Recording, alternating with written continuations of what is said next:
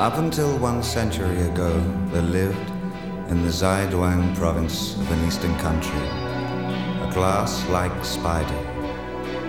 Having devoured its prey, it would drape the skeletons over its web, in weeks creating a macabre shrine of remains.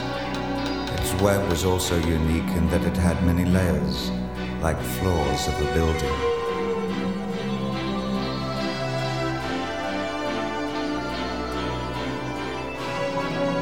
At the top of this palace-like place, assembled with almost apparent care, were tiny, shining objects, glass, beads, dewdrops. One could almost call it an altar. When the breeze blew through this construction, it produced sounds of wailing, crying, tiny wails, tiny cries.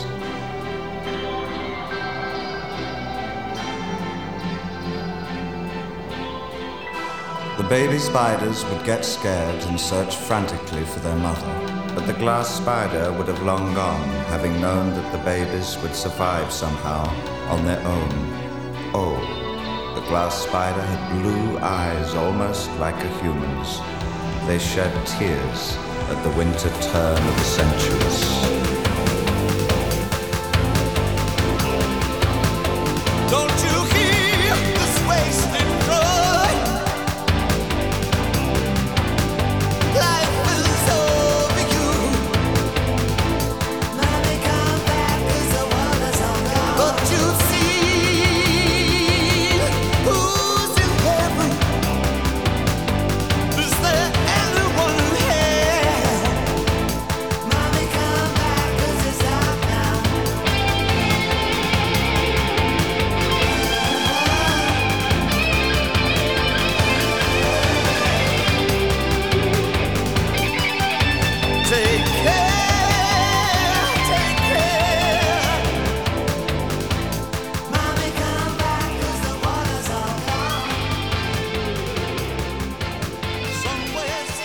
Hej och välkomna till... Eh, nej, för om. Ja, vi kan göra Shiny på det. Shiny-podden. Ja.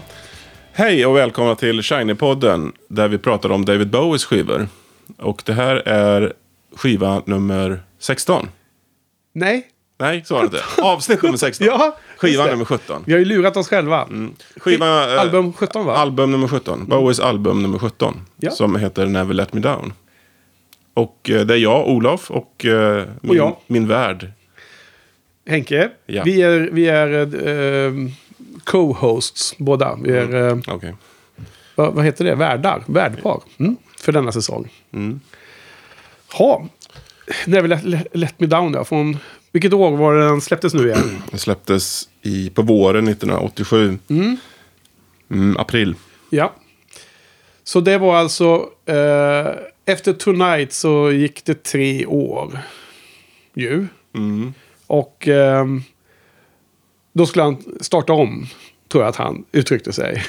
Att han skulle göra en reset på sin... På, liksom komma tillbaka till rötterna. Eh, tyvärr kanske han lyckades inte riktigt. Så att även inför eh, nästa skiva så sa han samma sak igen då. Det är lite lustigt att se att intervjuerna liksom återupprepar sig. Men här, här, här var i alla fall en ambition att eh, komma tillbaka till lite bättre slag. Då, då. Mm. Mer, mer gitarrbaserad musik, som han uttryckte det också. Och det, det kan man ju säga att det stämmer ju. Ja, men det gör det ju. Ja, det, det, det är en stor skillnad mot Tonight, som var någon form av blandning mellan reggae och... eh, jag vet inte vad. Dåligt. Ja, Reggae och my, dåligt. mycket reggae och Ja. en del andra grejer också. Men, Ja, så det är ju det är en, en annorlunda grej. det är liksom... Eh, jag funderar lite på när vi Let Me Down nu under veckan. Man har lyssnat och lyssnat och... Eh, eh, den är fortfarande i det här smetiga 80-talsproduktionen. Det, är det, det är det första jag, tänker på. att eh, Egentligen alla tre skivorna nu på 80-talet. Eh, eller Scary Monster släpptes ju 1980 så det är 80-talet. Men den, den var ju eh, tydligen, fort, det var uppenbarligen för mig fortfarande en, en, eh, en egen identitet. En väldigt eh, bra sound som var tidslöst. Men de skivorna som kom sen på 80-talet, 83 Let's Downs, Dance och Tonight och nu då Never Let Me Down. Tycker jag alla liksom är, man kan härleda dem till 80-talet på något sätt. ehm, Ja. liksom att det finns den här ehm, överproducerade Mm. eh, hinnan över allting. Det är väldigt långt ifrån eh, raw och ä- äkta i någon mening. Mm. Vad hette de där? Eh, Scott Aiken Waterman? Eller vad? du, du pratade om Rick Ashley va? As- Mm. Astley. Astley. Ja, där Som var, en slags... Eh, de var ju involverade där då va? Ja, liksom den här symbolen för det här, det här, Mm. det här dåliga 80-talsmusiken. Det finns ju jättemycket bra också, ska vi säga då, så alla får balans i podden. Men eh, visst, vi håller inte med. Alltså det finns mycket i låtarna här på Never Let Me Down som bara känns som att usch, det här är riktigt 80-tals överproducerat liksom. Eh, och det är så lustigt för att på något sätt så kändes det som att jag ändå trodde att den här skivan var ganska mycket bättre än vad jag nu upplever den som. Här och nu. Alltså jag kom ihåg den som ganska okej ändå.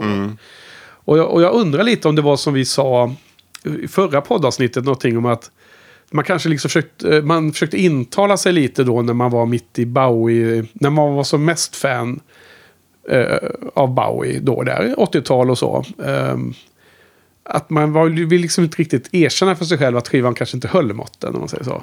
Eller vad tror du? Ja, jag håller helt med.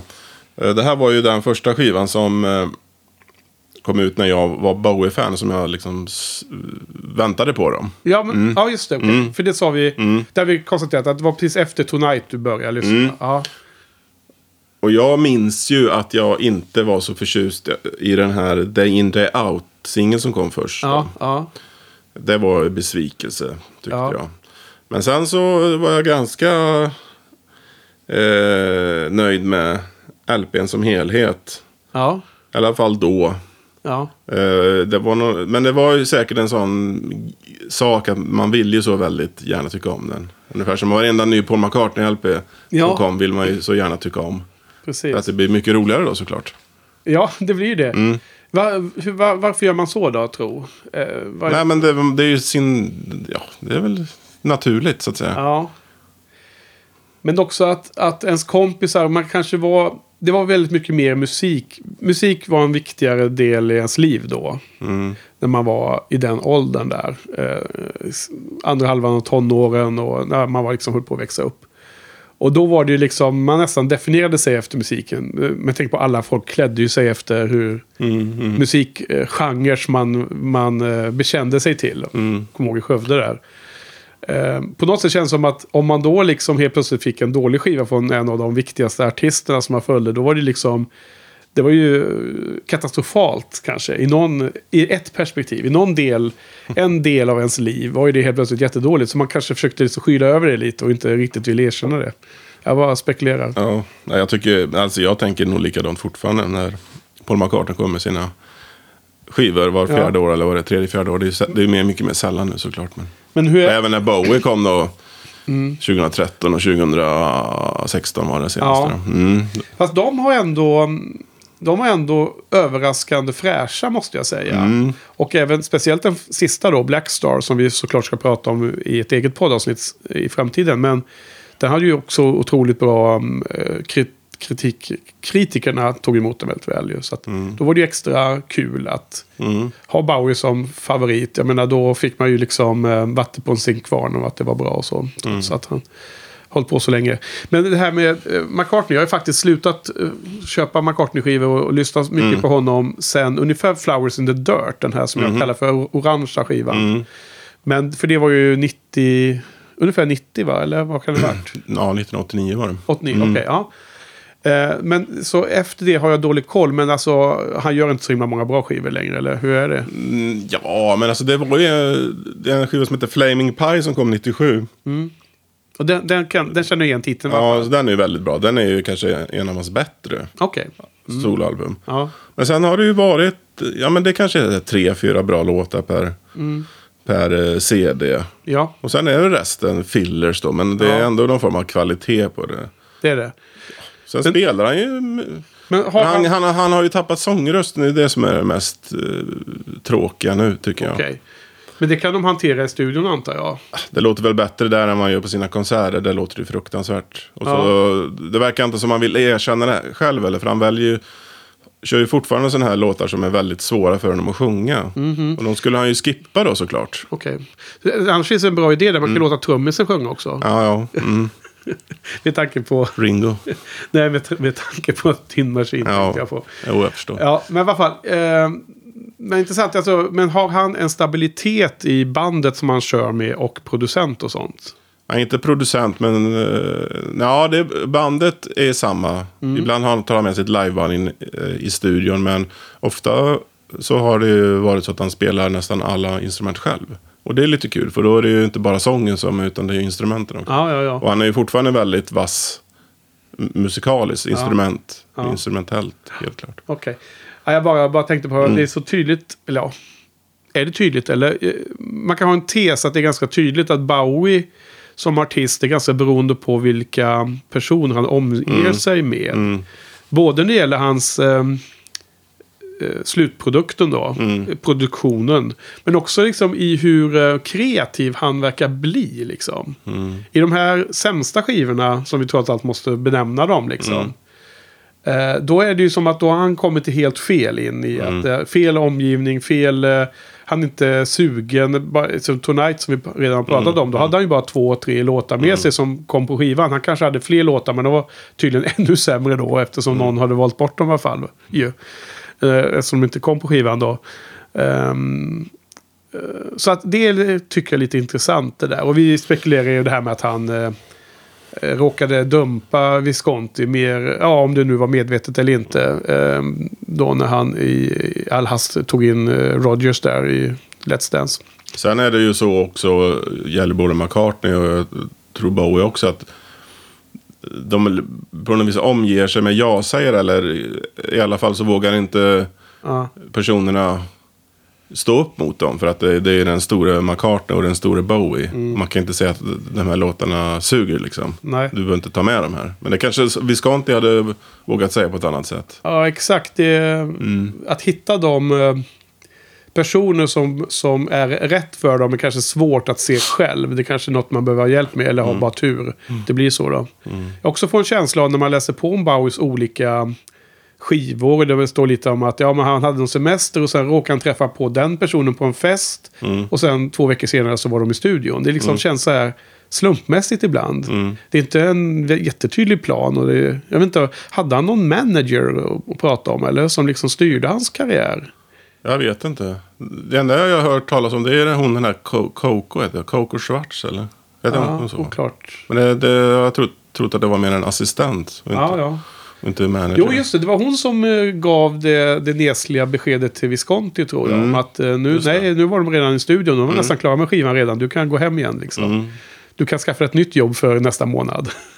som han hade hållit öppen i Då kalendern. måste de väl ha någon form av affärsmanager som på något vis tar hand om Ja. Jo, precis. affärsmässiga saker. Då.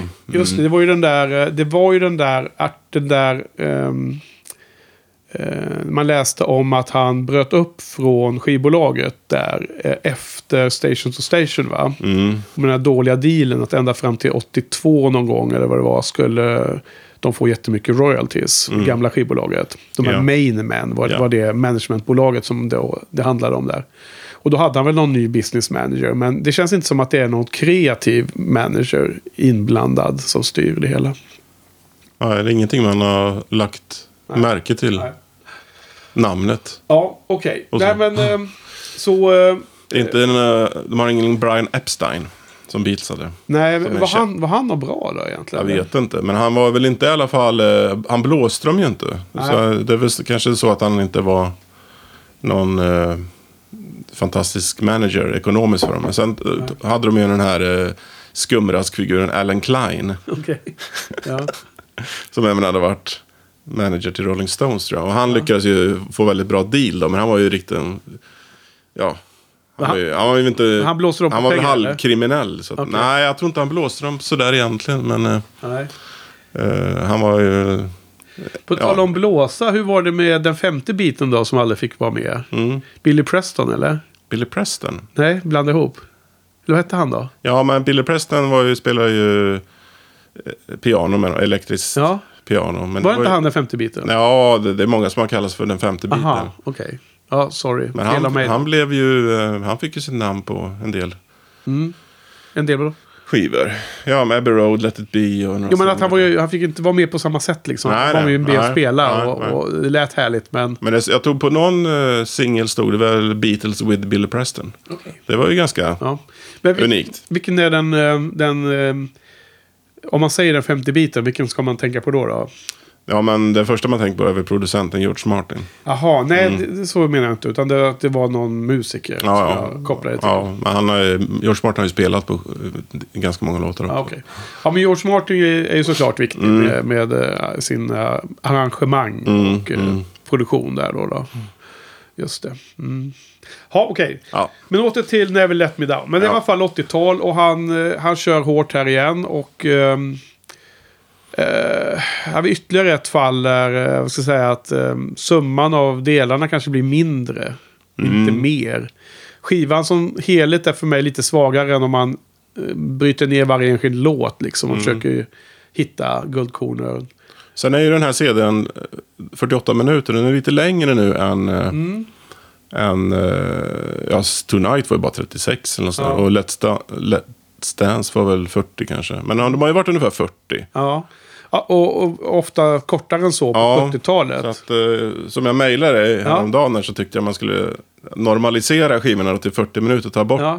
alla de sämsta låtarna så att det blev bara 40 minuter kvar. Då. Ja, så, för, för det är lite så att... I det här fallet tror jag det, som han, han gjorde ju det själv sen också, tog bort en låt på Ja. återutgivningen sen. Han tog mm, bara bort en, ja. Ja, det var, Olyckligtvis. Här skulle man kanske tagit bort Tre. tre då, så hade det blivit mycket, mycket bättre. För Jag har ju nämligen tittat över lite vilka som är riktigt bra, Ja. vilka som är okej. Ja. Fast i det här fallet så är de faktiskt svaga, men Mm. man måste ju ha några okej. Alltså det kan inte bara vara riktigt, riktigt bra och sen uselt. Nej. Så att jag har liksom, igen då, lurat mig själv lite. Mm. Tycker att de här okej åtminstone. Sen är det dåliga och sen är det usla. Mm. Det är faktiskt några låtar som är usla. Jaha. Sen, sen får man ändå se det som att det är jättekul att lyssna på Bowie och det kan finnas andra värden och så Mm. liksom. Och höra sångrösten och höra honom liksom performa. Men om jag bara skulle ta låtarna och även att tänka på att varje gång man lyssnar på en låt eh, eh, X så, så lyssnar man inte på en låt på Al Al Aladdin Sane till exempel. Liksom, då är det som en waste of time i någon mening. Det finns andra Bowie-låtar som är så mycket bättre. Men, men det var intressant där att eh, du sa alla skivor kan vara 40 minuter och eh, kommande skivor kanske är långt över 50 och närmare 60 minuter på Mm. Ja, så CD-eran. Så att då skulle man ju verkligen kunna hotta upp dem lite. Liksom, Mm. skära, bort en del dödkött om man säger så. Det kanske är en kul liten eh, sidoövning man kan Mm. göra. Eh, det är väl lite så att han kanske släpper nog... Det är nog svårt att hitta de där helt maxade skivorna som är bra rakt igenom mer. Om jag bara gissar. Mm. Det kommer gå upp och ner förvisso, men det kommer säkert vara så att det finns... eh, att man kan lyfta upp vissa delar av skivorna som, som bättre i alla fall. Så har du redan, du har redan gjort en sån eh, omordning eller? Med den här skivan? Nej, det har jag inte gjort, men eh, jag, har ju, jag har ju definierat vilka låtar som jag tycker är sämst. Ja, okej. vad bra. Då ska vi jämföra, för det är Mm. kul att höra. Alltså, nu, jag orkar inte gå igenom låt för låt längre. Nej. Mm. Så det fan lägger vi ner alltså. I alla fall just nu ikväll. Uh, för det, det är inte så mycket att säga om varje enskild låt. Eh, en Det generell- finns vissa låtar som, man, Ja. som, som finns en del att säga Ja, men då ska vi Mm, säga, då mm. ska vi säga det. men sen är det också lustigt att det här är då... eh, Nu är vi inne i eran där det är musikvideos Mm, det gäller. Och, och då ska vi försöka länka, lägga upp dem på hemsidan på Mm. shinypodden.se. Gå in där och kolla show notes. Och eh, det är också ganska kul att, att inse att även om låtarna är okej eller något annat liksom, så är de alltid lite roligare att se på video tycker jag. För då är det andra saker som man kan roas av. Det är oftast ganska lustiga klädval och det kan vara olika roliga sk- skådespelarinsatser eller icke skådespelarinsatser vad det nu än är. Dansmoves, det kan vara roliga ehm, eh, så här eh, supporting cast och det bandet och allt möjligt vad det kan vara. Det var någon rolig på, du vet, eh, Tonight där på den här videon med Blue Jean med den där basisten där som var helt absurd och så. Gå in och kolla på basisten där. Så att det måste jag säga, det är en som en generell sak som faktiskt är eh, helt klart lite mer eh, roande. Tycker jag.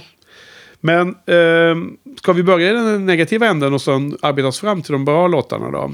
Så att jag har faktiskt jag har hört på den här skivan eh, ett gäng gånger. Och Mm. innan jag började lyssna in mig nu på Never Let Me Down så var jag nyfiken och så trodde jag att den skulle vara ganska så här medelbra. Trodde jag. Jag, hade liksom ganska, jag trodde nog att den, den ändå skulle leverera lite mer. Och jag var lite så här i chock efter Tonight. Så jag tänkte nu blir det ett stort steg uppåt. Det var min förväntning. Mm. Vad hade du?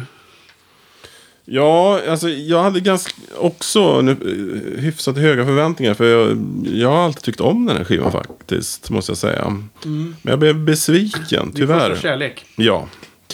Eh, jag blev lite besviken Ja. Eh, på de låtarna som... Eh, vad ska man säga? Som jag inte var helt övertygad om innan jag tyckte om. Om, om det låter logiskt. De hade tappat lite. Ja, de här som jag trodde kanske kunde stiga som stiga lite i graderna. De har nog tyvärr sjunkit istället. Ja, ja. Det var lite bärst. Men hur är det? Det är också den här skivan som det är väldigt stor skillnad på hur långa låtarna är på vinyl och CD, va? Inte så? Det sägs så ja. Det, det var en helt en nyhet för mig när jag läste det för några veckor sedan. Ja, för jag tror att jag köpte den på vinyl nämligen. Men jag Ja. tror att det var den här där det var upp till en minut längre på Ja, CDn. Eh, Jag tror jag har nog aldrig hört vinylen så det, Ja. det kan hända att det blir bättre på vinylen. Men Ja. jag, ty, jag tycker inte någon av de här låtarna lider speciellt av att de är för långa. Ja. Som jag alltid brukar ha, ha problem med. Nej. De är inte speciellt långa. Nej, men det är ändå fem, sex minuter vissa. Det är möjligt att det är så ja. Mm.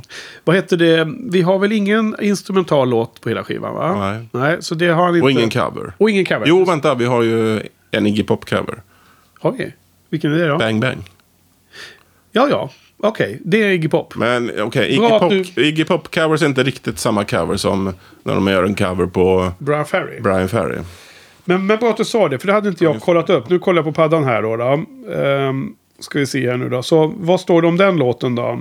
Iggy Pop och Ivan Kral har skrivit den.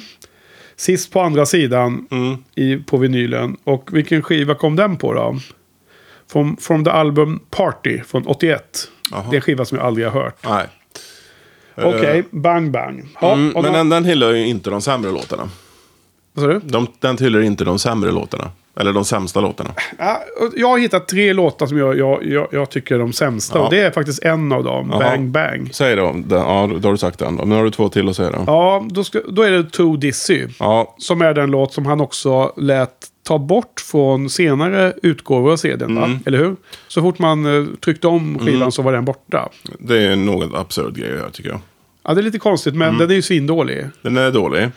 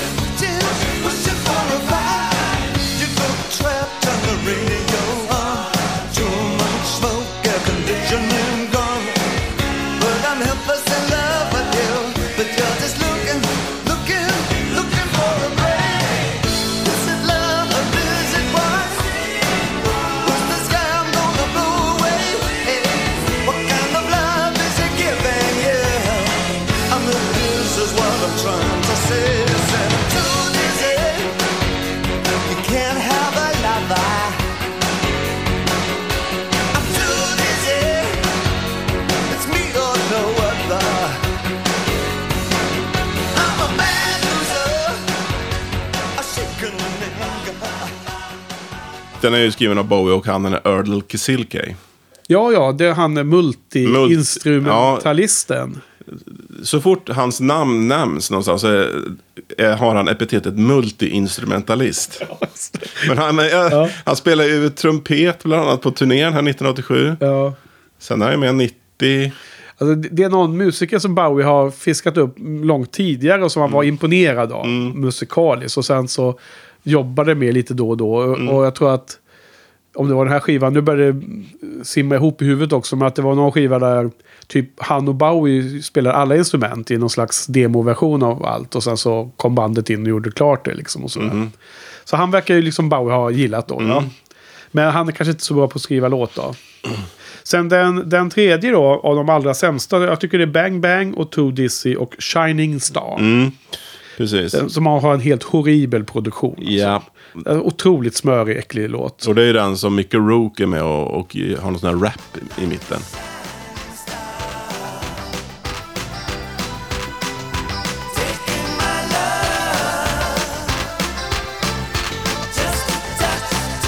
Peter met Frank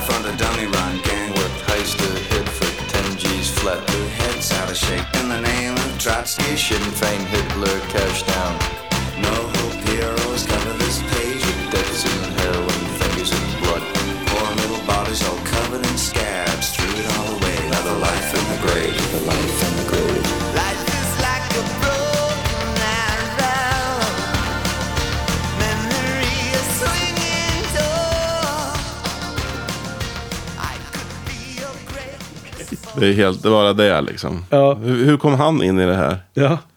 Okej, vilka, men vilka ty- Ja, nej, det vet inte jag ens. Jag hade inte ens tänkt på det. Men eh, finns det en rap i mitten? Ja, det finns en rap i mitten. Alltså hur många gånger lyssnar du på skivan nu den här veckan? Eller? Hur många gånger har du hört på Eh, den? jag vet inte.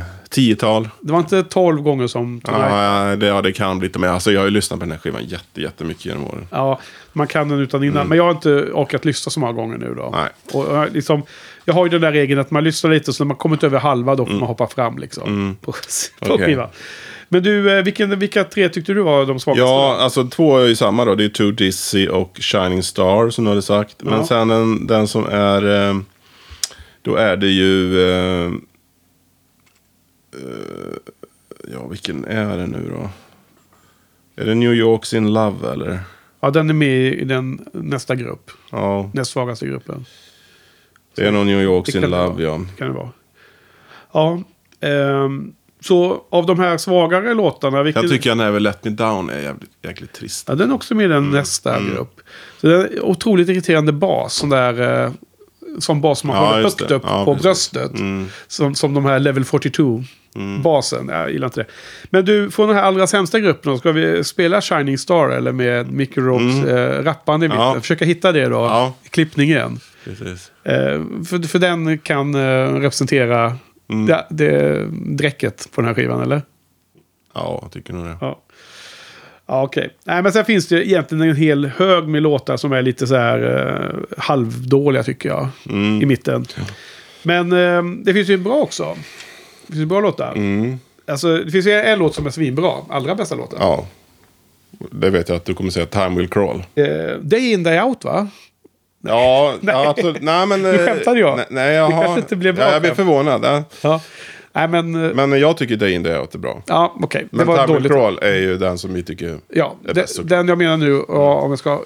Den är ju allvarlig. riktigt bra. Det är Time Will Crawl. Det är andra skivan. Andra låten Andra på skivan. Mm. Och eh, det här finns ju en eh, video också till den. Mm. Eh, Men den är inget speciellt den videon. Nej, men det är väl... eh, jag har skrivit dans. Vad är den Ja, ja men det, det är ju från, eh, han, det, från t- turnén. Alltså den rutinen han kör på turnén tror jag. Ja. Det är de dansarna som är med. Just Det det. känns som att de spelar in den här när de repeterar inför turnén. Typ Okej, ja. så. Mm. Så var det kanske. Så att eh, Ja. den här turnén är, finns ju mycket att säga om den också. Eh, jag vet inte, vi, ja, vi kanske kommer till det. Ja, men Time Will Crawl är ju det överlägset bästa låten. Den Mm. är riktigt, riktigt bra. Den, den platsar på en eh, Best of Bowie-lista. för mig. Ja, absolut. Och eh, eh, lustigt nog så gjorde de en ganska stor ommixning av den låten. Mm. Av någon som heter MM. Som kom på sådana här Best of-skivor. Finns bland annat på den här eh, trippel-CDn Mm. Nothing Has Changed. Som är den sista Best of Bowie som kom innan han gick bort. Eh, och där finns Time Will Crawl, The MM Mix. Då då. Mm. Och eh, du, du sa att du tyckte båda var likvärdigt bra. Kanske. Ja, jag måste jag sa också att eh, du hade ju någon idé att, vi att han skulle mixa om hela skivan. Och det vore ju fantastiskt. Hela. ja, alltså jag måste säga att jag, jag tycker att eh, The MM Mix är klart bättre på Time Mm. Will Crawl. Den är mindre eh, befläckad 80-talsvibben för mig. Så är det såklart. Eh, den är mer gitarrbaserad, ännu mer gitarrbaserad Mm. om man säger så. Ehm, och det var, nej, det var en kommentar på eh, den här Super Deluxe Edition-bloggen att om de fortsätter släppa sådana här eh, boxar som täcker in fyra fem år ungefär, skulle man kunna täcka in 80-talet från Let's Dance till och med Tonight ungefär. Och Mm. med lite live och lite sånt. Och då har de ju tidigare i boxarna gjort eh, nya mixar för, för sådana skivor som de inte varit helt nöjda med. Och det har vi tidigare pratat om. Och då, då var, var ett förslag, låt den här MM, denna, denna mysteriska person, göra hela skivan. Och jag, menar, jag, jag tycker bara det låter jättebra för att menar, det här är lite samma som med Tonight. Man skulle vilja höra vissa av de här låtarna där hälften är liksom okej eller bättre. I en strippad version, kanske akustiskt, eller åtminstone bara höra låtarna och, och slippa mm, produktionen. Då skulle nog många av dem kunna växa. Jag menar, det är precis samma sak med Neil Young då, husguden. Han har ju vissa skivor han, han höll på med, med konstiga musikgenrer. Men sen har man hört samma låtar i andra settings. Så de är otroligt starka. Så de är liksom lika bra som man brukar göra. Fast när han sätter på så här diskotrummor och sjunger genom en äh, vocoder och låter som en robot och sånt. Då, då låter det inte riktigt så bra som man hade tänkt sig. Eh, men, Ja. Så det skulle vara en spännande grej om man får den remixen. Men jag tycker ändå att eh, vi får spela lite av Time Will Crawl. Ja, den är jättebra. Eh, Och, eh, och även kanske försöka få med lite av eh, senare i avsnittet den här MMX då, så kan man jämföra. I've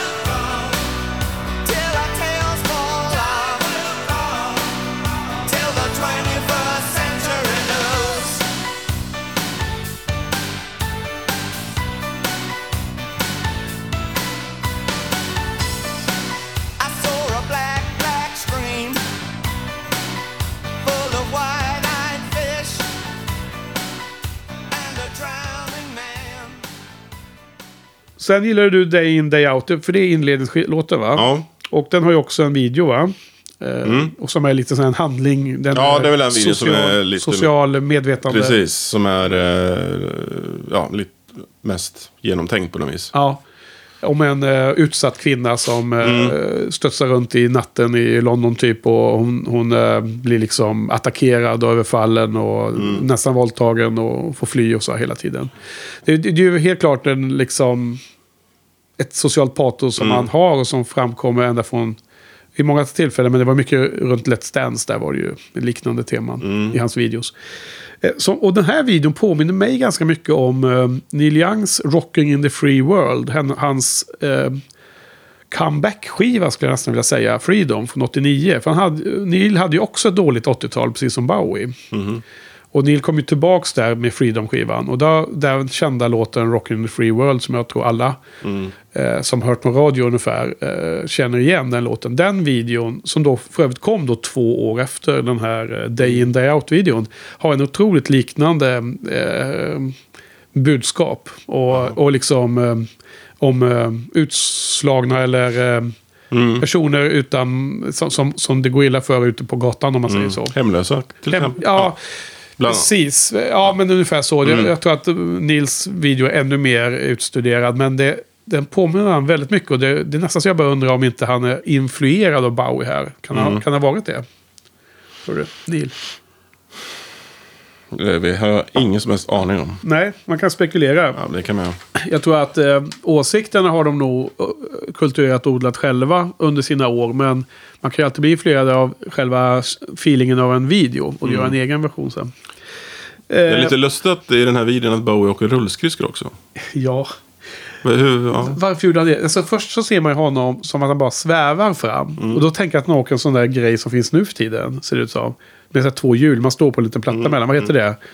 Du vet som eh, balanserar. Wakeboard? Nej. Nej men du vet sån där grej som man, man kan åka omkring med. Ja, Jag vet- det heter wakeboard. Jag kommer inte ihåg vad det heter. Två, två stora hjul och så är det Ja, segway. segway. Ja, just det. Ja, det ser ut som att åka en sån tycker jag. Mm. Men sen får man ju se att det ska, eh, vad heter det, Eh, rullskridskor han har på Mm. sig. De gamla klassiska med fyra små hjul. Är det inte så också att eh, den här videon Day In Day Out, att det finns inslag från eh, omslaget? Att det är en sån här ängel som åker omkring och, och videofilmar. Är inte väl med i den här videon också? Va? Som det är på omslaget Ja. till själva CDn. Oklart. Ja, Jag tror det. Ja, ja. Så att eh, de har, knutit ihop det lite där. Sen blev ju, eh, den blev ju censurerad också i vanlig ordning. Jaha, vad var det då? Ja, men det var ju att... Eh, ja, dels var det väl någon av de här som blev he- hemlösa som blev våldtagen. Och sen så... Ja, men det är ju hon huvudpersonen. Ja, just det. indragen en bil och Mm, sådär. precis. Och sen så var det några barn där som hade skrivit eh, fuck och allt vad det var. Liksom. Så hade de ändrat den texten så de skrev någonting annat istället. På väggen. Ja, typ. Och då Bowie tyckte att det, det var... Han var upprörd över det såklart. Graffiti.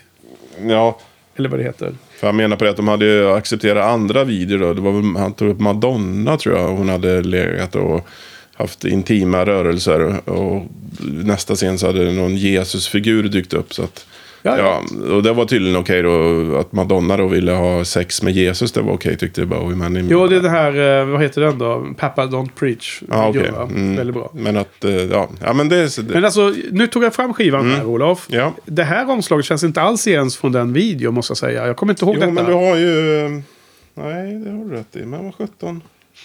Jo, men där är ju, där är ju den här videokameran där i, i hörnet. Ja. En gammaldags videokamera. Ja, så den är jättestor. Fast Typ sån här VHS. nu kommer jag ihåg det bara för att du sa videokamera. Mm. Det, var, det är som en VHS stor, men den också, man ser att den gjorde i kartong. Så att Ja. den har gjort en stilistisk video, Precis, videokamera bara för filminspelningen. Va? Som ingår som en, eh, en attrapp där.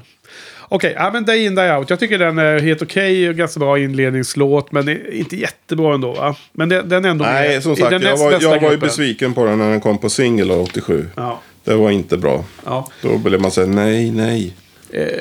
Andra eh, låtar som jag, tycker ändå står ut lite på den positiva sidan på skivan, Olof. Det- Nu får du sluta kolla på den här Ja, men bilden. det är, det är en ängel där också. Ja, ja, ja. Mm. ja. Jo, men det andra låtar som, som är på bra sidan, det är ju... Jag tycker Glass Spider är en bra låt.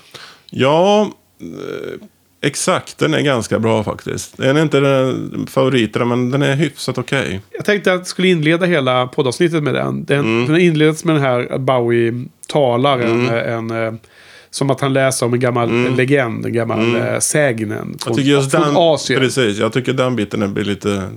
Man kanske skulle försöka göra en egen mix för den här låten. Ta bort det där snacket. alltså för mig är det en liten återkomst till det här Bowie, Bowie eh, känslan från Mhm. mitten på 70-talet. Alltså lite Bowie-esk Mm. feeling över den låten. Att han är teatralisk, han är Mm. lite, alltså lite som, igen då, Aladdin Sane, eh, lite som den låten är liksom. eh, Just titellåten på den skivan är också lite så här, inte en sån här rak eh, popdänga eller gitarrdänga. Utan det finns, händer nå- någonting där. Och det, det välkomnar jag, även om inte resultatet blir lika bra, så välkomnar jag ambitionen i den här låten. Eh, och sen så tycker jag att den är väl ganska okej som låt också. Så Ja, men lite, jag tycker den är okej som låt Ja. efter det där. Och sen den fjärde och sista som jag då tycker är liksom de man kan eh, nämna som favoriter. Någon mer. Det är väl 87 and Cry Ja, just säga. det. Den är ju riktigt bra också. Ja, den, den gillar vi. Ja. Men A Beat of Your Drum då? Ja, den är ju med eh, i nästa grupp, fast först av dem. Ja. Av någon anledning.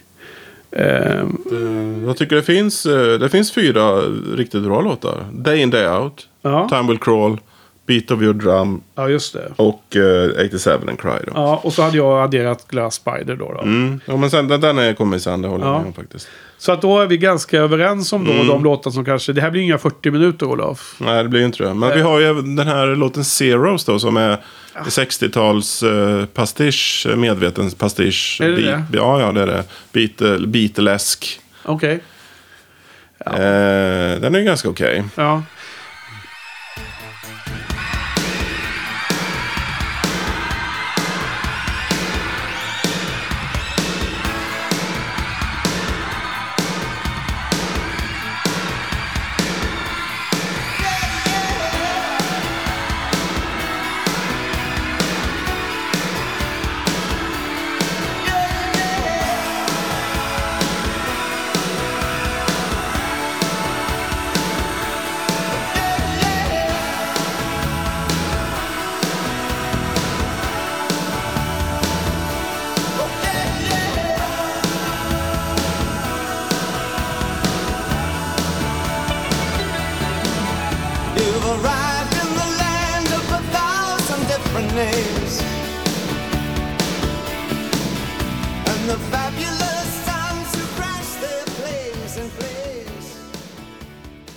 Ja, jag, jag mm, tyckte också det när jag hörde på skivan första gången nu i den här mm. veckan.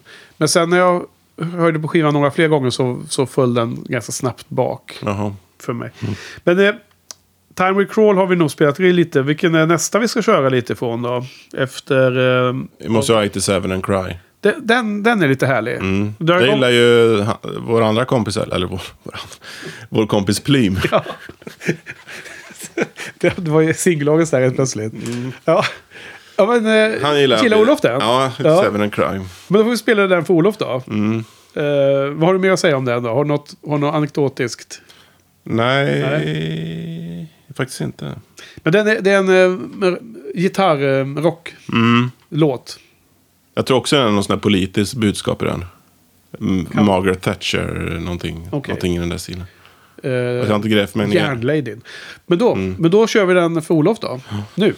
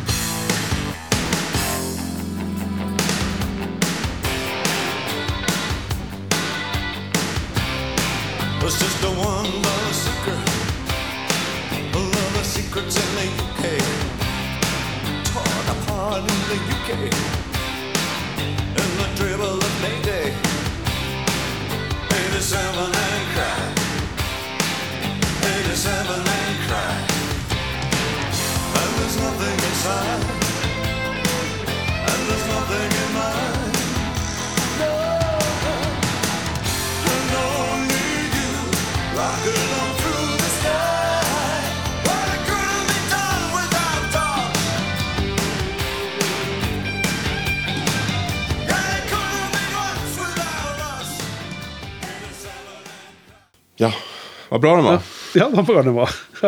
Den var Och Time Will Crawl, ja. den uppfattade jag ju direkt när jag hörde den som att den var om kärnvapenkrig igen då. Ja. Ja. Men det var ju tydligen om Tjernobyl, men det, är- det är ju liksom... ja, men det är ju samma. Ja. Ja. men det var, jag läste också någon text om att Bowie var väldigt eh, påverkad av Tjernobyl där. Va? Det var ju då 86. Mm. Ja. Va? Nej, när var det? Jo, det var 86. Ja, okej. Och så kom det ett stort rökmoln. Och, Mm. och vad, hur var det? Jag läste någonting om att han, hade han varit i Schweiz då, tror jag, hemma. Han har ju något hus i Schweiz, eller hade. Mm. Han bodde väl där, jag vet inte hur länge, kanske ända till slutet. Men det verkar som att han alltid återkommer till Schweiz och bodde där någonstans, Mm. nära Montreux eller något sånt där. Och sen så hade de hört på radion, men liksom att det var norsk radio som först hade Mm. kommit ut med den här nyheten om att det kom något jättemoln som, och det var Mm. inte, det var inte liksom bara lite snälla cumulusmoln. Och så hade de varit väldigt oroliga. Men jag tror det, det blåste väl norrut, va? så att det mesta kom ju över Norden och så. Det kom inte så mycket över Centraleuropa. Mm. Nej, det var, vi drabbas ju hårt i Sverige då. Mm. Eller norra Sverige. Får vi se vad, Ja, vad som händer om några år här. nu för tiden åker ju folk dit på semester. Mm. Har du funderat på att åka dit eller? Mm. Ja, jag har inte funderat på det. Men eh, Tjernobyl. det, blir, det är någon sån här, vadå är det någon sån här, eh, det finns den typen av semester där man är, man är inte ute för att liksom ha bada utan det är nog nästan, ja, Nej, utan det är ju folk som är fascinerade Mm. av att se stället som har blivit övergivet. Och, faktasemester. Eller Ja, vad- precis. Det, det finns något ord för det. ja, det, jag, jag fångar inte det just nu i huvudet, men... Eh, nej, men man kan åka dit och titta för man är intresserad Mm. av historiken. Och, och det är ju liksom eh, hög... Eh, alltså det, det är ju inte livsfarligt att åka dit under en kort, kort period. Men man kanske inte vill bo där och övernatta där och så vidare. Och man, man kan väl inte gå in i alla rum och så i själva komplexet där det hände och den allra närmaste. Men i den stan som är där i närheten, där, där kan man eh, besöka och så. Men det är ju liksom avstängt och det är ingen som bor där och så. Så att allting är övervuxet och det är liksom eh, naturen har reclaimat eh, och så. Eh, vad heter staden som ligger precis bredvid? Kommer du ihåg det? Nej, Vad fan. Vi får ta en paus. heter inte Tjernobyl? Nej, men vi- får ta en paus här. Jo, vilken tur. Let's know it sa vi. Och, Ja, men nu kom jag på vad det hette. ja. Pripyat. ja, Pripyat. Det Där var man, du, du kollade faktiskt upp det. ja, vi var tvungna att, att veta det. Eh, Pripyat är staden som jag tror man kan åka till i närheten av själva eh, anläggningen. Då. Men eh, det är också... Har du sett den där eh, Die Hard-filmen som typ är den femte eller vad det kan vara? När eh, Bruce Willis åker, alltså när, vad heter han, John McClane åker till Ryssland. Åker dit, till Tjernobyl. Nej. Har du inte sett den? Nej. Är fruktansvärt dålig. Jaha. Eh, Du vet, Die Hard. Ja, ja. Suveräna filmer. Alla fyra egentligen, Mhm. tycker jag. Eh, eller? Jag kan inte riktigt med Bruce Willis. Alltså. Det, det, Nej, han, är, dem. han är sådär... Jag vet inte. Han, han är ingen Kurt Russell. Nej, Kurt Russell är bättre. Ja, Ja, men Bruce Willis har alltid varit sådär... eh, ja men han är ju cool. Ja. Ja, men... Han är, han är liksom för perfekt på något vis. Ja, Okej, okej. Nej, men jag älskar ju eh, Die Hard-filmerna. Första filmen är ju, det är ju en 5 av 5 tycker jag. Jo, så är det ju. 88. Mm. Eh, sen andra då när de är på flygplats och det är Rennie Har Harlin. Den, är ju, den var ju ganska cool och ganska bra action men den har inte åldrats så väl tycker jag. Sen tredje är ju den när... Eh, tredje är ju den när han är med Samuel L. Jackson och de jagas runt och... Vad heter Mm. I New han? York. Ja, det är ju han... Eh, Simon Says. Precis. Det, det är brorsan till Mm. han som var ledaren Mm. i eh, första filmen. Det är bro, bro, brosin till han som var Mm. där. Eh, och eh, de ska hela tiden jaga mot klockan. Fast Mm, egentligen så pågår det en sån här stor stöld mot en bank ju. ja. Och det, den är ju väldigt bra. Den är otroligt bra faktiskt. Ehm, och sen den fjärde är ju den när de håller på med så här IT-attacker. När Bruce Willis och han har en ung hackare som spelar sån där roliga skådespelare som jag har glömt namnet på nu då. Jag tror inte jag har sett den. Ja, men den är, Mm. Första halvan är väldigt bra, sen blir den lite sämre mot slutet när det ska vara actionaktigt. Så ballar den ur lite. Han, Mhm. Det är någon absurt dålig scen när de åker, han åker lastbil i en eh, lång tunnel och sen så översvämmas den tunneln. Mm. Han lyckas vända lastbilen och surfar med lastbilen på, på, på den här vattenvågen som går genom tunneln. Ja, men det låter troligt. Det låter väldigt roligt. Ja. Ja, men så, så den, eh, den är lite sämre i slutet. Men eh, sen kommer femte filmen och den är riktigt dålig. Då Mhm. är de där i Ryssland. Då är de där på det här övergivna stället. Bland. Mhm. Den, så den kan du se. Och njuta av. Okej, nu Mm. är det lite avstickare här va. Ehm, Okej, men du, eh, vad har vi mer då? Eh, vi har nu spelat eh, 87 and Cry också. Mm. Har vi någon av de här halvtaskiga? Vi har ju Never Let Me Down. Det är ju själva titellåten. Ja, vad säger du om den då? Den är jobb. Jag tycker den är, den är seg. Det här, där är, försöker han ju sjunga som John Lennon. Och det, det, det kanske han lyckas med i och för sig. Men, ehm, men nej, den är för seg alltså. Den Ja. bara liksom mal på. Och den här irriterande basen då. Mm. Är det något vi får spela för lyssnarna eller? Ja, det kan jag göra. ja. För den, den är väl en singel och det finns en video på så va? Mm. Var det den? Jag hade ju lite glömt av videon redan trots att jag faktiskt har tittat på dem mest för att för, förbereda mig här nu. Men det var den du sa att det var den där man hade spelat från det här liksom typ eh, maratondanstävling. Mm.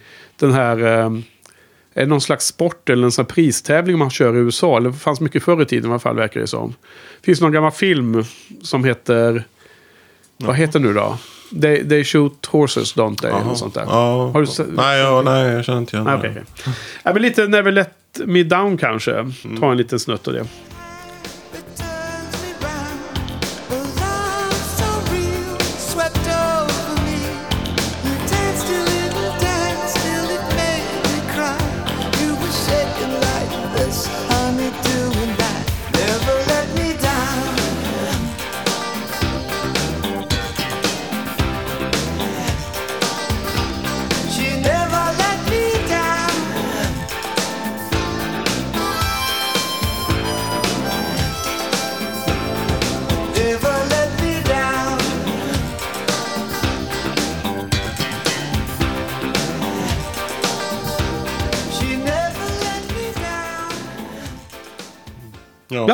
Tillbaka. Den var ju Ja.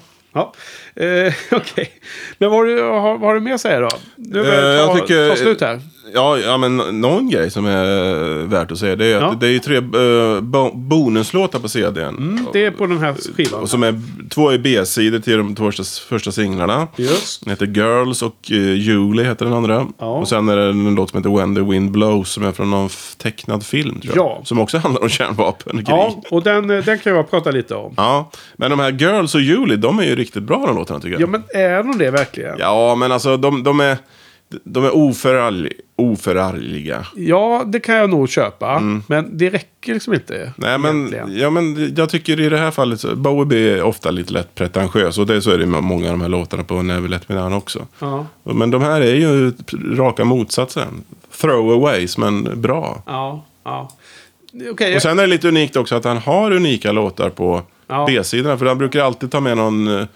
eh, Ibland tar han ju med liksom flera gam, år gamla låtar. Eller så tar han bara med någon annan låt från... Ja, men jag, jag såg någon kommentar om att det var en stor skillnad på den här skivan Net, Never Let Me Down eh, till mot Tonight. Just med antalet låtar han hade med sig i bagaget inför inspelningen. Så här hade han inte med så många låtar. Han till och med kunde ha B-sidor på singlarna. Så det var ju liksom positivt då. Absolut. Eh, den här tredje extra låten är ju... ehm, tycker jag är kul. Det finns en kul eh, koppling då till eh, Roger Waters där. Som jag såklart gillar. Basisten i Pink Floyd som eh, började solo efter eh, The Final Cut då, 83. Ja. Och det här är ju ganska kort tid efter det i alla fall. Han gjorde ju, Roger Waters gjorde ju sin soloplatta eh, The Pros and Cons of Hitchhiking 84. Och sen kanske det här är det första som kom då. Eller runt där 87 så kom han med nästa tror jag. Men, men, men eventuellt så klämde de in den här skivan eh, When the Wind Blows. Det är en animerad film om det hemska med eh, kärnvapenkrig. Och eh, Waters har gjort originalmusik för den score. Och liksom på LPn så finns det då en sida med andra låtar som har gjorts till, skiv, till filmen. Där Bowie har en låt titellåten. Men andra sidan på LPn är bara Waters musik. Liksom, Som är originalmusik då från Roger Waters. En del ganska bra grejer där faktiskt. Har du sett den här filmen eh, The Day After som också handlar om kärnvapenkrig? Från 1983. Eh, nja, Dagen efter. oklart. En amerikansk film. Nej, det tror jag inte. Är det några kända skådisar? Ja, det är ju han, Gut, vet han Guttenberg, Steve. Så ja. Han är med och uh, Roberts, uh, vad heter han i förnamn? Eller- Eric? Nej, nej, nej. Roberts, uh, ja. Nej, nej, det- det- det- En karaktärsskådespelare, du kommer känna igen den. Jason. Jason Raw, precis. Ja. Och sen det är väl en del andra kändisar. Nej, men det här känner jag inte alls igen. Är, Nej, det, men den, må- är det en bra film? eller? Ja, men jag, det, du kommer inte tycka om den. Men jag tycker om den. Varför inte? Nej, men du gillar inte den här typen av filmer. Vad är liksom. det då? Ja, men det handlar om kärnvapenkrig. Ja, men, men, är det något jag inte gillar helt plötsligt? Ja, ja, men det är liksom för... Ja, men nej, jag tror inte du gillar den. Spelar ingen roll. Men Nej. eh, det var lite fördomar om Jag förstod inte alls. Nej, nej, nej, nej, Nej. jag kan inte förklara heller. Nej. Ja, men Red Dawn. 84. Jättebra. Ja, den är bra. Ja. Eh, också men, men det är lite, kriget. något som eh, var lite intressant med den här dagen efter var att Ronald Reagan hade tydligen sett den här och det var han som var president i USA på den tiden. Ja. Starkt kritiserad president då. ja, i vissa kretsar. Ja, jag menar Inte det. i alla. Nej, nej, Nej. jag tycker om honom. Ja. Eh, jag tror, han har ju bidragit, ja, skitsamma. Ja. Vi pratar inte om det nu. Men eh, han eh, såg den här filmen i alla fall och eh, insåg ju att ingen kan vinna ett kärnvapenkrig. Ja. Om han inte hade insett det innan, men han blev väl, i alla fall väldigt tagen av det där. Ja. Och han gjorde ju, tycker jag i alla fall, en stor insats här med Gorbatjov. Och, för att, ja, det är, ingen, det är inte, kanske inte... Eh, det, det är kanske kontroversiellt att säga det, jag vet inte. Nej, jag vet inte heller. Det är oklart om... eh, Ja, men i Sverige hatar man ju Ronald Reagan, de flesta. Ja, Ska man det? det men det ska man väl göra. Det kanske är det. Mm, Thatcher ska man också tycka Ja, det är nog mer, mer tydligt. Mm. För det var ju mer det socialpolitiska hon eh, körde hårt med. Med liksom eh, eh, löner och annat. Liksom skatter Mm. och sånt. Eh, skatter mer än löner kanske egentligen. Men ja, Reagan ja. Men ja, precis. Nej, men han, han är väl lite mer så här att folk ser ner på honom och är hånfull Mm. mot honom. Och tycker att han var bara en skådis liksom. Men ja, jag vet inte. Han var väl, han var väl liksom så, så bra som de flesta är ungefär, tror jag. Bättre än den nuvarande i alla fall. Om man säger så. Ja. Men... Eh, Och Gorbatjov där, hjälte då. ja, var det han som hade liksom en hel eh, konstigt märke i pannan Mm. som såg ut som en, eh, en hel, vad heter det, eh, Asien eller något liknande. En hel, Mm, mm. Jo, men han är ju, han och Reagan kommer kontinent. väl överens där om att rusta ner då. Ja, det kanske de gjorde. Var det på Island de var och Mm. tog hand eller? De hade något sån här summit eller eh, Ja. eh, mästarmöte på Island. Tänker på eh, schack också. Men, eh, nej, men, det, Ja, var men väl, det- det, var väl en början av defrostingen började ju någon, någon Mm. gång och det slutade ju med i slutet på 80-talet så var det helt plötsligt så hade det, så följer muren och allt det här liksom och, och de försvann. De goda kommunisterna mer eller mindre. Ja, det kanske var en del. Alla små steg Ja. ledde fram till det. Ha, eh, videorna då, vad kan man säga om dem? Vi har nämnt lite redan va? Vi Mm. har nämnt två i alla fall. Vilken är den tredje? Uh, Day in, day out, time, Time will Will crawl och... Never Let Me Down. Ja, så var det ja. Precis. Ja, men då har vi nämnt alla tre. Mm. Ha, Omslaget tycker jag är lite eh, naivt. Fånigt. Ja, jag läste... jag kommer inte ihåg det. Gyttrigt. det var någon som tyckte det var så jäkla dåligt omslag. Ja, men det är dåligt ju. Var det han Pegg, va? Han tyckte inte om det här omslaget. Jag kommer inte ihåg om han skrev något om det. Alltså det, det är ju busy. Det är ju mycket, mycket, mycket eh, grafiska element i den där. Vad säger man? Så vill ha Olof här. Ska ha Plym här och Ja. hjälpa oss i Jag vet inte vad det var som han kritiserade, men det var väl typ... eh, ska, det vara, ska det här föreställa grejer från... Ski, alltså, ska man hitta låtarna här bland det här omslaget, eller? Nej, men jag har inte... eh, Referenser sett- till sett låtarna, så att säga. Eh, Det skulle ju kunna vara en kul grej, men... eh, Om, framförallt om låtarna skulle varit bättre och det varit en mer... eh, mer eh, Det är som en cirkusmanege, va? Är inte det? kanske. Får jag se? Ja, men det är det ju. Jag har bara ett ex här inne i i Bara filmrummet. ett X, okej. Ja, men jag, jag måste också se. Eh, jo, men man ser ju en sån här brinnande rund ring som man tänker sig att en tiger hoppar igenom. Mm, precis. Man ser en konstig en stege som är sned och vind. Mm, jag vet inte vad det står Det är en manege också för övrigt. Så det, cirkus låter ju rimligt. Men nej, ja... Oklart. Jag säger till tittarna, gå in och titta på shinypodden.se, show notes. Längst ner under videorna så ligger omslaget. Ser ni David Bowie eh, hoppar mot eh, oss åskådare. Ja. Ja, okej. Men du, ehm, eh, det var det. Vad heter det? Den var ju en Vad ganska stor... Ja. Ja, en ganska stor kommersiell framgång var det ju faktiskt. Precis, det är ju di, ditt jobb. Det är mitt jobb. hur gjorde den på listorna? Eh, den kom ju UK, Ja. United Kingdom. Ja, för de som inte visste. Ja. Ja, för de som inte visste. Plats nummer sex, det är ju okej antar jag. ja. Så det var intressant att veta vilken som uh, var låg på nummer ett då. Men det vet vi inte. 87. Pet Shop 87. Boys. Pet Shop Boys. Eller Eh, Depeche Mode kanske? kanske det. I, I USA då? Nej, nej. Cure hade också en skiva då. Cure, ja, Kiss me, kiss me, kiss ja, me. Det, precis. I USA kom det vara 34 plats, så det var inte någon höjdare. I Sverige andra plats. Okej. Sverige har alltid gillat Bowie. Ja, men vi är Bauer-fans. Mm. Det är mycket extra bilagor. Absolut. Och sen eh, har vi singlarna då som... eh, ja, jag har bara kollat in Day In Day Out för att jag tänkte att de andra gjorde Och, väl... och inte längre. Nej, och där var det 17 plats UK, 21 USA och Sverige femma. Ja, ja. Vi gillar Bowie. Vi gillar Bowie. Ja. Eh, Nej, fan vad blåsta vi var då. Vi som tyckte att en ny Bauer-skiva, vad, vad härligt det här blir. Mm. Men vi kan väl nämna lite om konserten. Vi kanske ska prata lite konserter i framtiden, men, Mm. men här har vi en väldigt tydlig koppling. Det är skivan och sen var det en stor megaturné. Ja. The Glass Spider Tour, eller vad hette det? ja, från maj 87 till november tror jag. Ja, ja. Mm. Och, han var i Sverige då den 27 juni tror jag. Eller 26, ja, 27 Ja, juni. Du och jag var ju där. Inte koll på det, men vi var där på Eriksberg. Ja, Det är eh, den konsertplatsen som fanns ett tag då när de tyckte att det gungade för mycket i Mm. Ullevi. Michael Jackson var ju där också året efter tror jag. Stones var ju där något år. Stones var där 89. Då var vi också där. Ja, det var också där. Eh, och det var ju en spektakulär show rent... Uh, den mest teatralisk Bowie-turné. Mm. Ja. Framförandet var mer teatraliskt än någon annan turné skulle jag gissa. Mm. Och eh, det var ganska mycket låtar som inte jag var helt överens med. Men du är en stor fan av den här turnén, eller? Ja, jag har lyssnat på den eh, flera olika turné, eh, konserter idag faktiskt. Bland annat en soundboard från eh, Berlin. Ja. Känslosam eh, konsert tror jag för honom. Heroes bland annat, det är en mycket bra ve- version. Ja. Där han hälsar eh, på tyska då till Dimension på andra sidan muren. Ja, ja, han spelar Mm. nära då så att de kan höra över. Han spelade, de spelade tydligen framför The Berlin Reichstag. Okej. Och ja, jag vet inte var den ligger, men eh, den ligger väl kanske nära muren. Då. Vad heter det?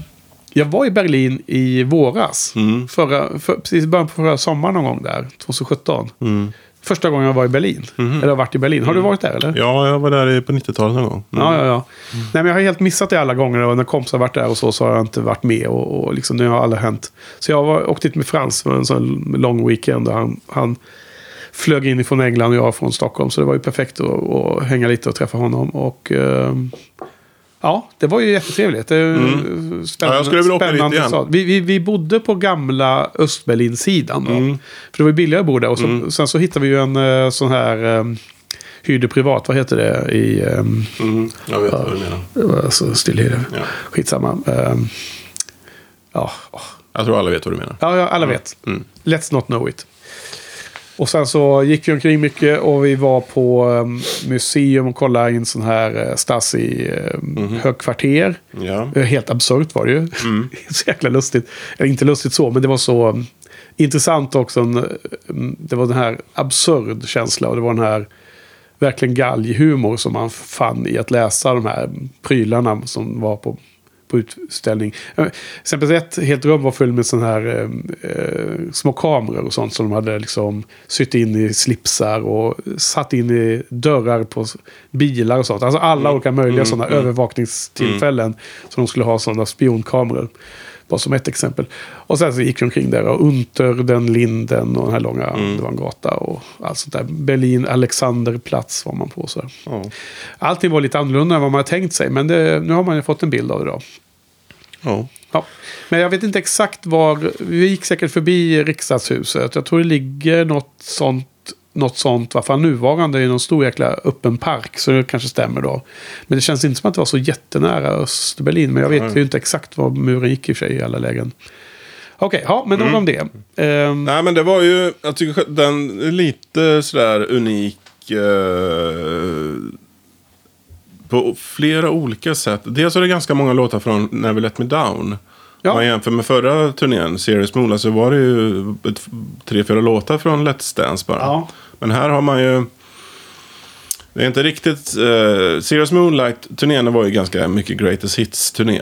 Och det är inte riktigt så på den här 87-turnén. nej, det kanske jag kan köpa lite. Ja. Mm. Men han fick ju faktiskt kritik där så han var ju tvungen att lägga till låtar i Ja. mitten. Okej.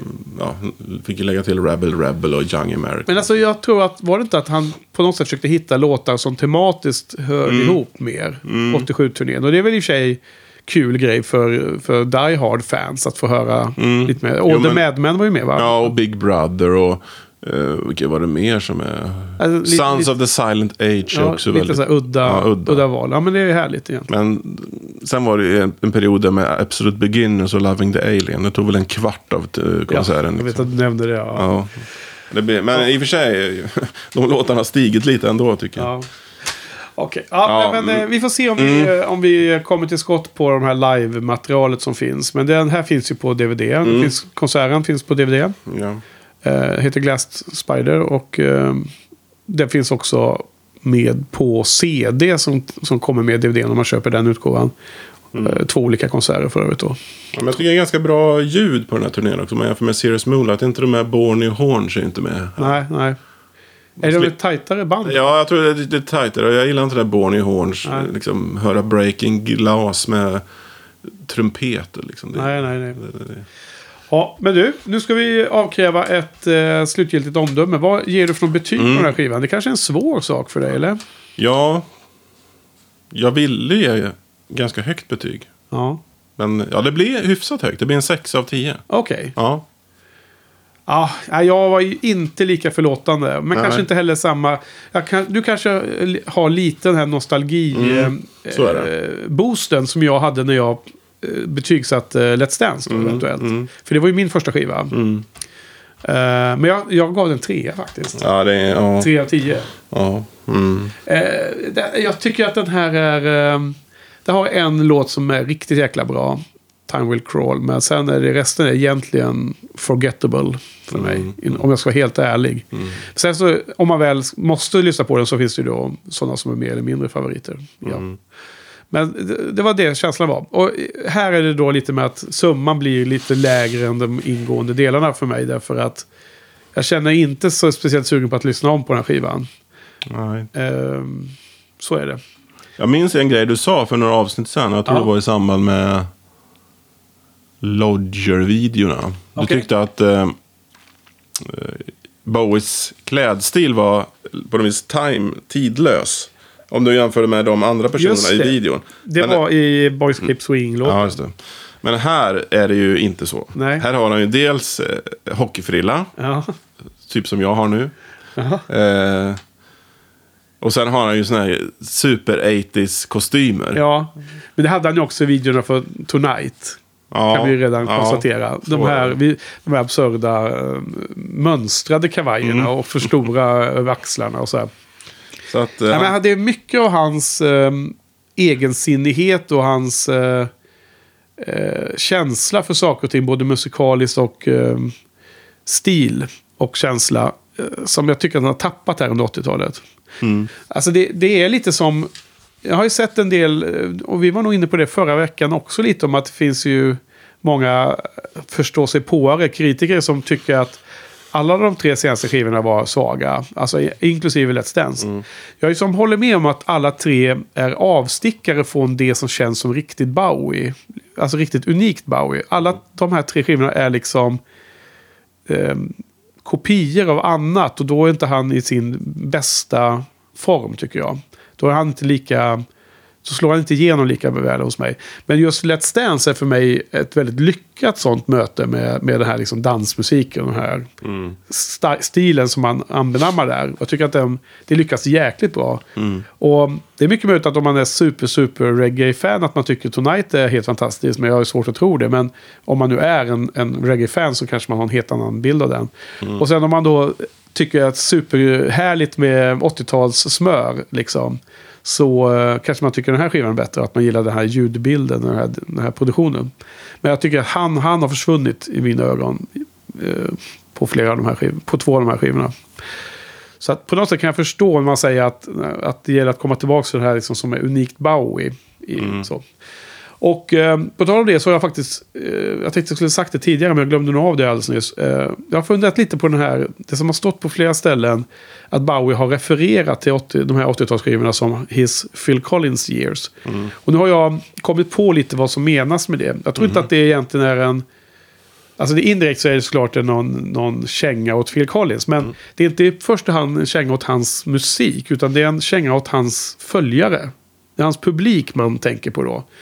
Me- jag tror att man med det menar, när Bowie sa så, så menar han att han blivit mainstream. Att det är liksom de här eh, så att tråkiga eh, fansen som han menar. De här som är eh, eh, middle of the road, liksom. De som inte sticker ut. Det är liksom inte en eh, subkultur som man tilltalar. Det är inte de som blir triggade av hans androgyna, utsvävande Ziggy Stardust eller hans liksom, eh, du vet, eh, syntbaserade Berlin-trilogi och så. Där det är liksom en, en, en klick som, som verkligen gill, älskar det. Utan nu är det helt plötsligt var man liksom som kommer och, och fyller Ullevi liksom. Att, jag tror det är det de menar, att det är liksom att det är den musiken som är anpassad till en sån crowd som han menar. Ja. Och då kommer vi lite in, osökt in på nästa eh, album som vi ska prata om. Och det är ju eh, Tin Machine kom ju här nu 89 och 91, Olof. Ja. Så vi ska blicka lite framåt. Nästa vecka, vad, vad, vad ska vi ha då? Då har vi ju sagt så här att eh, Tin Machine är ju eh, ett band som Bowie startade. Som är fyra man. Och eh, han är sångare. Men det är trummis, basist och gitarr. Och i någon mening så skulle de vara mer demokratiska än att det är en frontman med ett backingband liksom bakom sig. Och eh, vi kan ju prata mer om det nästa vecka. Men som teaser så är det väl ett sätt för Bowie att göra reset på den dåliga väg han var inne på. Han vill liksom, precis som jag sa i början av den här poddningen, att ehm, han sa inför eh, Never Let Me Down sa han att det här var liksom en återgång till mer rock och mer gitarr. Men det här säger han igen när han startar Tin Machine. Och då är det verkligen också en tillbakagång till musikaliskt till något helt annat. Så, eh, så då har, vi, då har vi, vi är inga stora fan av den här perioden. Och ehm, eh, så vi har sagt att vi kommer behandla de två skivorna som en klump. Så nästa vecka så är det Tin Machine album 1 och 2. Och de gjorde två album och sen släpptes det, eh, alltså 89 och 91. Och sen släpptes det lite snabbt ett live-album 92. Och då var Bowie klar med, med Tin Machine. Det var tre plattor han hade lovat killarna. Och sen efter det så var han soloartist igen resten av sin karriär. Och då är vi tillbaka, då är vi inne på den andra halvan av Bowies hela karriär skulle jag vilja säga. Om Tin Machine får vara en vattendelare där i. Och då är vi inne på lite mer spännande saker igen. Så att håll, håll, håll uppe hoppet. Men nästa vecka då? då vad, vad är förväntningarna om att eh, bekanta sig med Tin Machine? ja, väldigt låga. Har du hört Tin Machine förut? Ja. Eh, Mycket eller? Jag tror jag lyssnade ganska mycket på den när de släpptes. För det var återigen sådär, åh, jag, jag vill tycka om det här men jag, jag kan inte. Det går inte. Nej. Och jag har känsla av att eh, den andra skivan är klart sämre än den första. Ja. Men eh, det är bara så som jag tror. Vi får se. Ja, Okej. Jag hade ju hört kanske några enstaka låt för att man råkar höra till Maskin på radion. Mm. Men jag har faktiskt aldrig ägt skivorna och jag har inte hört dem innan. Nej. Så jag är ju jättenyfiken och jag tänker att det här... eh, Det, det man har hört är lite att det ska vara så här skrammelrock. Att det liksom är lite sån här eh, före eh, grunge-eran till och med. Har det ju nämnts lite. Jag menar 89 och sen 91 det är ju precis när grunge började. Alltså den allra tidigaste var ju slutet på 90 80-talet där med de mer okända banden från Seattle. Men sen de kända sen med Nirvana och Pearl Jam alla de. Det var ju 91-92 ungefär de var, vad som kom, slog igenom som mest. Så ehm, eh, det är lite spännande. För jag, ju, jag gillar ju grunge. Jag gillar ju jättemycket på 90-talet framförallt. Lyssnar mycket på olika grunge-band. Så att för mig var det lite spännande att eh, se vad, vad det här kan vara för något. Ja. Så det är nästa vecka. Men då är vi klara för idag va? Ja. Ja. Något mer? Eller? Du, Nej. du ser nöjd ut. Ja. Ja. Men då tackar vi för idag. Mm. Tack. Tack Olof. Tack. Hej då publiken.